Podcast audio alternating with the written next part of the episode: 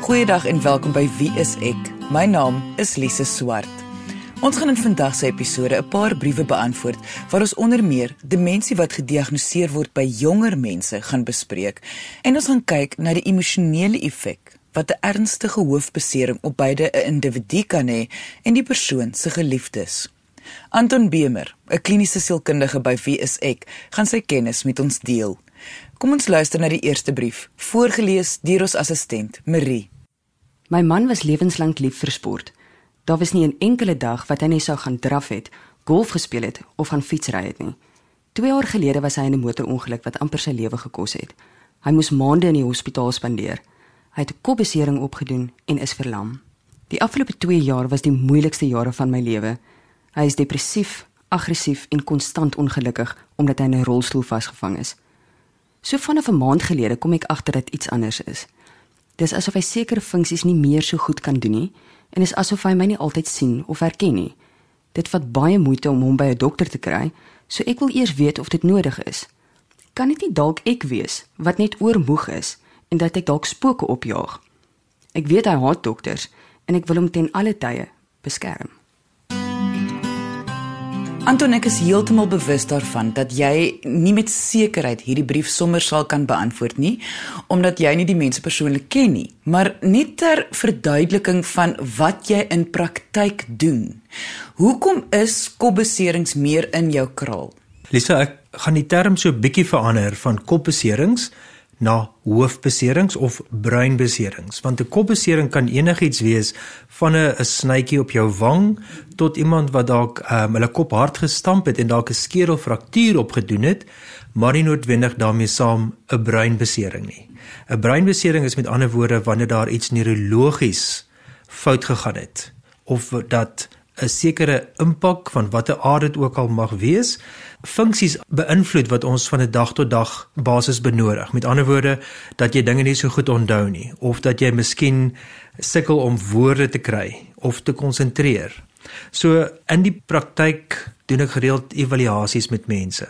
Dit beteken mense kom sien my, hulle beskryf dat daar veranderinge plaasvind as gevolg van besering wat hulle opgedoen het, soos byvoorbeeld in die leser se brief in 'n motorongeluk. En die implikasie daarvan is dat dit wat hulle van tevore outomaties of gemaklik gedoen het, nou baie moeiliker is om te doen. En deur die evaluasies wat ek doen, kyk ek dan na verskillende funksies wat ons uh, vertroud is mee maar natuurlik word dit alles verbind met die brein se werking. Soos met ander woorde, die kwaliteit van jou geheue. Hoe goed jy inligting nie alleen kan stoor nie, maar dit kan herroep. daarmee saam ook die woorde wat soms moeilik is om te vind. Taal nie net die woorde self nie, maar om die woorde te kan formuleer en dit vlot uit te kan spreek. 'n Groot deel van wat wat moeilik is na 'n breinbesering of 'n hoofbesering is konsentrasie vermoë. So daar is 'n herstelproses wat plaasvind nadat so 'n persoon in 'n ongeluk was, hulle kan rehabilitasie ontvang, maar soms sal hulle kla dat hulle geheue baie swak is. Maar uit my evaluasies kom dit baie keer na vore dat dit eintlik 'n konsentrasieprobleem is en nie so seer 'n geheueprobleem nie. Die ander aspek van wat vir my baie belangrik is na so 'n insident plaasgevind het, is dat baie evaluasies wat beskikbaar is, fokus baie op versekerings of eise aan die pad ongelukfonds. Nou, dit is nie regtig my my lyn van werk nie. My werk is baie meer om te kyk na terapeutiese insette wat belangrik mag wees vir hierdie persoon en vir diegene wat hulle ondersteun ek ek sien my soms selfs as 'n as 'n rigtingwyser. Met ander woorde, dan ek kan sê, weet jy wat, ek tel hierdie tipe probleme op in my evaluasie.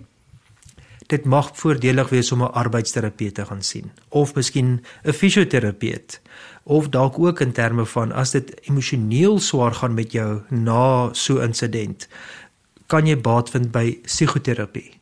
Met ander woorde, hoe om die emosionele aanpassings wat daar uh kan gebeur tesame met die fisiese aanpassings wat ge gemaak moet word om dit op 'n manier te hanteer dat dit nie lei tot ander probleme soos depressie of angstigheid nie.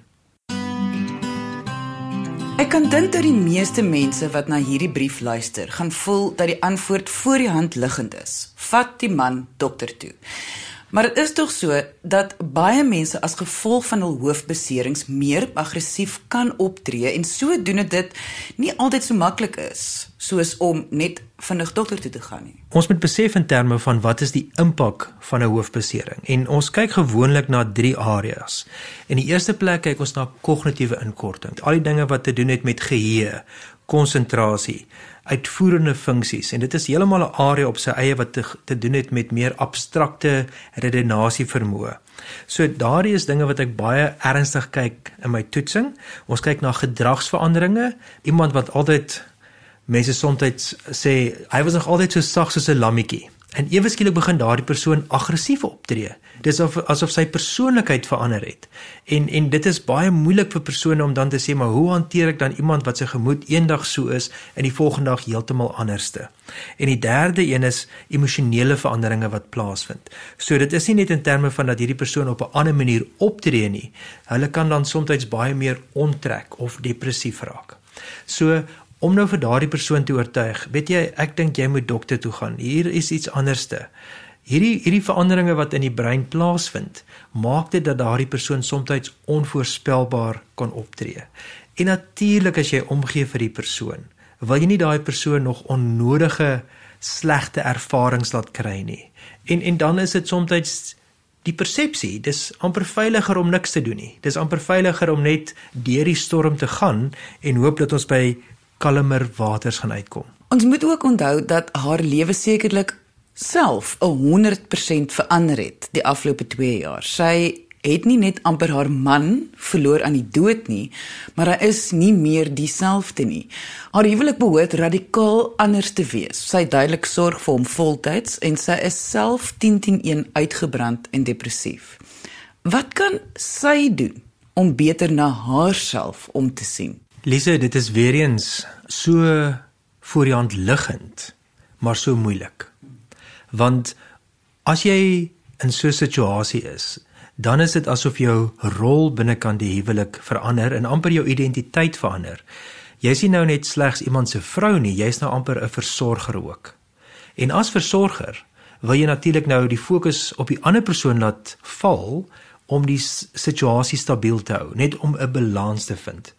Maar dit gebeur baie keer soos jy nou die woord uitbranding gebruik het, dat daardie persoon van hulle eie behoeftes vergeet. En dit is nie net behoeftes in terme van dinge wat ons graag wil hê nie, dit is dinge wat ons nodig het. Ek dink 'n baie belangrike punt is dat die versorging van so 'n persoon kan nie net deur een persoon gedoen word nie. Dit is belangrik om ander persone ook te betrek, veral persone wat 'n goeie verhouding met, kom ons sê byvoorbeeld die man het. Persone wat hy sal vertrou mense wat in die verlede saam met hom dinge gedoen het. Ek dink wat daarmee te saamgaan ook is dat die balans wat gevind moet word is soos die Bybel vir ons sê jy moet jou naaste lief hê soos jouself. Maar ons kom nie altyd by daai jouself gedeelte uit nie. So ons word groot met die idee jy help ander, maar hoe help jy jouself veral in 'n situasie soos hierdie waar jy kan sien iemand se nood is baie groot. Manier hoe mense dit kan afbreek is om te sê, weet jy, jy het emosionele fisiologiese, sosiale, spirituele en miskien kreatiewe behoeftes. En om te kyk in elkeen van daai afdelings, wat is dit wat in die verlede vir jou waarde gegee het? Wat is dit wat goed is vir jou gesondheid? Is dit om seker te maak jy eet nog gesond, dat jy soms oefening kry, dat jy by mense uitkom wat ook vir jou omgee, dat jy nie net die een is wat omgee nie, maar wat mense ook iets vir jou teruggee. En ek dink dit is belangrik om aan te klop soms en te sê luister ek het hulp nodig. Ek is nou net uitgebrand. Want jou ondersteuningsraamwerk gaan vir jou help om ook weer jou eggenoot te help. Jy luister na Wie is ek met Louie en Lise op RSG 100 tot 104 FM. Kom ons sê sy voel dit is te veel moeite om hom by sy dokter uit te kry. Kan hoofbeserings vererger? Daar's 'n hele paar faktore weer eens om na te kyk en ek dink as jy veranderinge sien, moet mens probeer verstaan in die eerste plek wat dit kan veroorsaak. Dis nie noodwendig direk gekoppel aan die hoofbesering nie. Daar mag ook ander veranderinge plaasvind. So een van die dinge wat mens altyd na moet kyk is dat daar die moontlikheid is van 'n infeksie. Byvoorbeeld 'n blaasinfeksie, iets wat met die urine toets gedoen kan word. As mens dit kan uitskakel, dis dit al 'n groot tree vorentoe want dit is ongelooflik hoe vreeslik dit 'n persoon kan beïnvloed. Nie net alleen in terme van hulle konsentrasievermoë byvoorbeeld nie, maar so 'n persoon kan heeltemal gedisoriënteerd raak ten opsigte van tyd en plek. Hulle kan selfs halusineer as gevolg van so 'n infeksie. Nog iets wat natuurlik maklik deur bloedtoetse gedoen kan word, is net om seker te maak daar's nie 'n tekort aan enige iets nie. Dat daar 'n tekort aan Vitamiene D kan wees of 'n Vitamiene B tekort en 'n aanvaller of 'n inspuiting nou en dan kan natuurlik help om daardie tekorte aan te spreek. Maar ek dink wat mens op 'n ernstiger noot moet sê, dis nie noodwendig dat die hoofbesering self erger word nie. Maar as 'n persoon verskeie hoofbeserings opgedoen het, is daar dalk 'n groter kans dat hulle 'n vorm van demensie kan ontwikkel. So wat jou antwoord met ander woorde vir die vrou sou wees, is dat die feit dat sy agterkom iets is anders moet sy nie net sommer net afskryf aan haar eie uitgebrandheid nie. Dit is maar die moeite werd om tog maar dokter toe te gaan. Absoluut. En dit sluit ook aan by my punt van vroeër. Dit vat eintlik 'n span om na iemand om te sien wat 'n ernstige hoofbesering opgedoen het.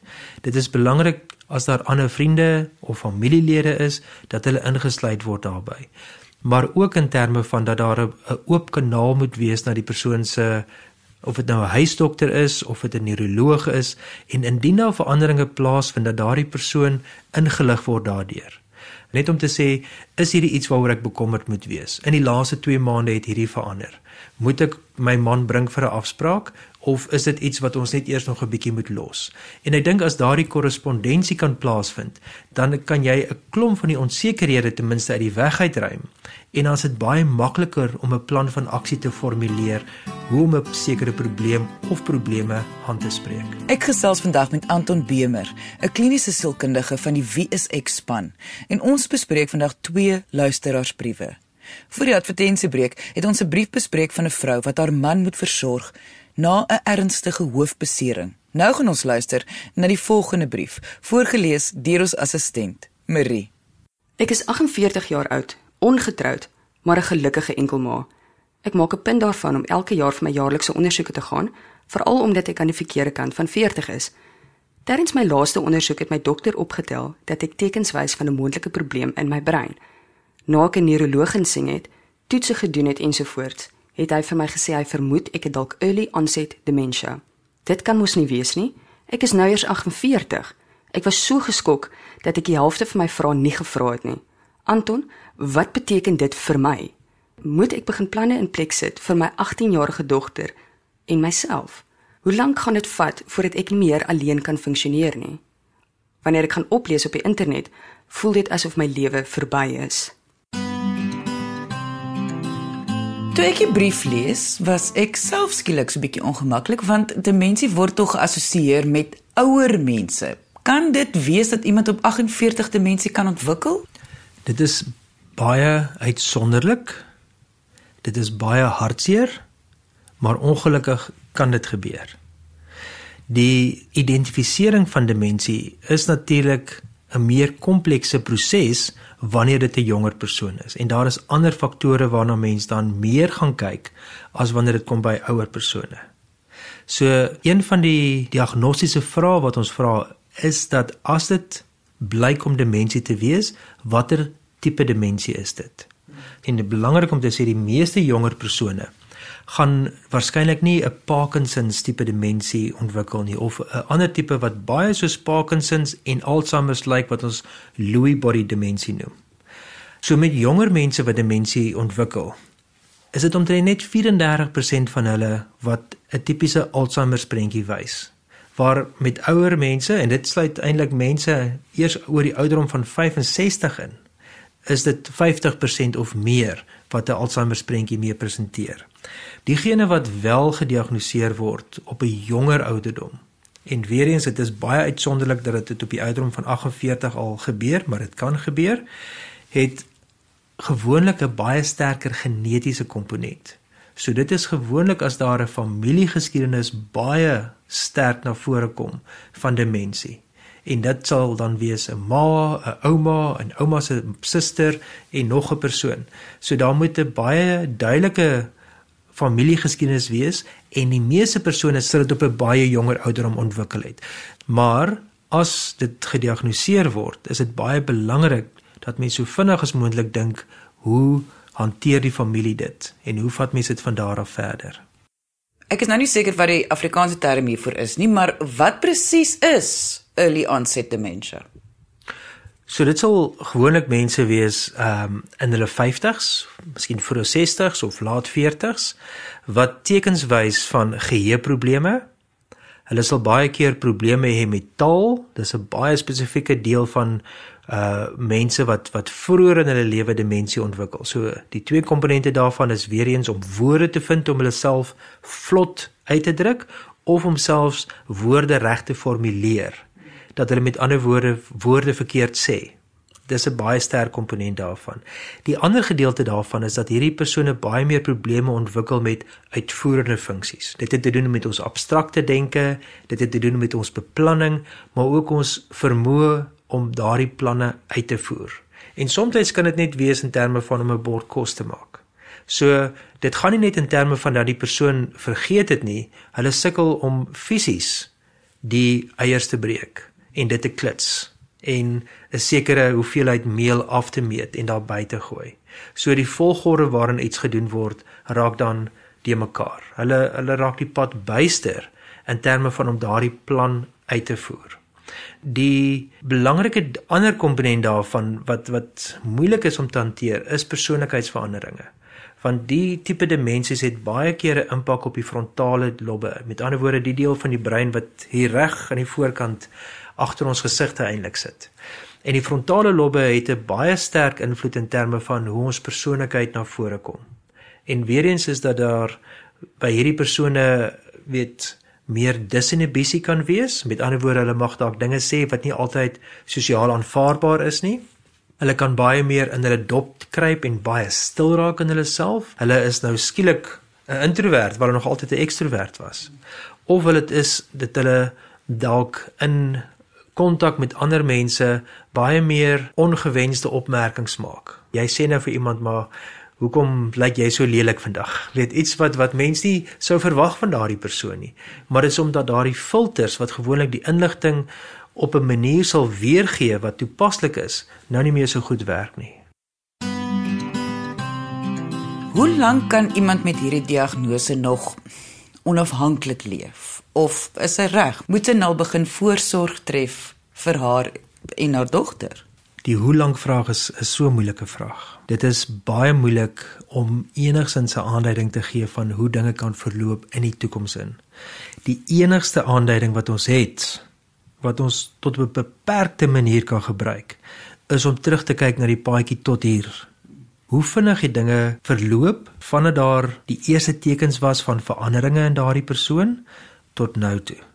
en dit kan 'n aanduiding gee as ons al die ander mediese dinge uitskakel van infeksies en sekere vitamiene wat tekort is en miskien skildklierprobleme. As ons dit uitskakel, dan kan dit 'n aanduiding gee van hoe dinge van hier af verder kan verloop. Met al die mense met wie ek werk, met wie ek evaluasies uitvoer wat demensie het, is dit vir my baie belangrik dat mense dink in terme van 'n plan van aksie. Nou 'n plan van aksie sluit dinge in soos medikasie want ons wil so ver as wat ons kan die werking van demensie wat 'n progressiewe siekte is teenwerk. So ons wil 'n handrem optrek dat dit nie vinnig vooruit hardloop nie. 'n Belangrike deel vir my is die sosiale gedeelte. Weet dit gaan oor daardie persoon en hulle familie. So die familie het baie angstigheid in terme van hoe dinge gaan verloop van hier af verder. En alles is nie noodwendig dinge wat ons hierdie week of oor 'n maand gaan implementeer nie. Is dit tog belangrik om te dink in terme van is hierdie persoon se blyplek doeltreffend vir nou, maar miskien ook vir 'n jaar van nou af. Is daar sekere uh wetlike dinge wat gedoen moet word, soos byvoorbeeld om 'n testament op te trek? Is daar finansiële dinge wat uitgesorteer moet word, net in terme van dat die besluitnemingsprosesse in die hede maar ook in die toekoms vergemaklik kan word. Deur hierdie dinge in plek te kry, kan dit vir die persoon die ervaring gegee dat daar beheer geneem kan word al voel daar 'n klomp ander dinge buite beheer. 'n Mens kan verstaan dat saam met hierdie diagnose moet daar baie angstigheid gaan. Is daar 'n manier hoe sy hierdie angs kan aanspreek want ons almal verstaan tog hoe sleg dit vir 'n persoon al klaar is om angstig te wees en nou nog met so 'n diagnose. Ek dink dit is belangrik om soveel onsekerheid as moontlik uit die weg uit te ruim. En daarom is 'n akkurate diagnose baie belangrik. Al is dit om 'n tweede opinie te kry. En ek dink dat dit gee al klaar iets om om aan vas te hou. Ons het iets waarmee ons kan werk. Ek dink ook daarmee is dit dat soms kan daardie persoon nog steeds psigoterapie kry of insette van 'n arbeidsterapeut kry om te help met sekere funksies en vermoëns net om te sê hierdie dinge is wat ek kan doen en dit waarin dit is waarna ek wil vashou solank as wat ek dit goed kan doen. So ek sal voorstel, ruim soveel as moontlik angstighede uit die pad uit. Daardie tipe dinge gaan dit net vir jou nog moeiliker maak om te fokus en te konsentreer en dit gaan waarskynlik vir jou meer frustrasie veroorsaak. Indien jy wil hê ek en Louie moet jou brief, storie of vraag hier op Wie is ek bespreek, kan jy ons kontak deur ons webwerf wieisek.co.za of gaan na ons Facebookblad onder Wie is ek met Louie en Lise. Onthou alle briewe wat bespreek word sal anoniem bly. As jy net meer duidelikheid kry oor wat die probleem is, kan daar 'n pad vorentoe uitgewerk word. So dit gaan daaroor vir my om die onduidelikheid, die onsekerhede uit die weg uit te ruim. En ek dink ook om eerlike gesprekke te voer, nie alleen met jouself nie, maar ook met die mense rondom jou, dat almal 'n goeie begrip en verstaan kan kry in terme van waar jy nou is, wat die probleem se naam is. Jou naam is nie die probleem se naam nie. Die probleem se naam is 'n vorm van demensie. En dis die probleem wat almal saam staan om sover ons kan teen te werk. Daar is baie positiewe insette wat mens kan lewer alhoewel mens nie die oorlosie kan terugdraai nie. Ek dink die fokus moet eerder val op dit waarmee jy jou lewe kan volmaak wanneer dit vir jou voel dat dinge leegloop. Indien jy 'n vraag het oor enige van die twee briewe wat ons vandag bespreek het, kan jy ons via ons webwerf kontak by wieisek.co.za of kom gesels saam op ons Facebookblad onder wieisek.sa. Onthou jy kan na enige episode van Wieisek gaan luister as 'n potgooi op RSG se webwerf. Dankie dat jy vandag ingeskakel het. Ons maak weer so volgende Vrydag 12:30 net hier op RSG. Jy moet 'n heerlike naweek hê en onthou, kyk mooi na jouself.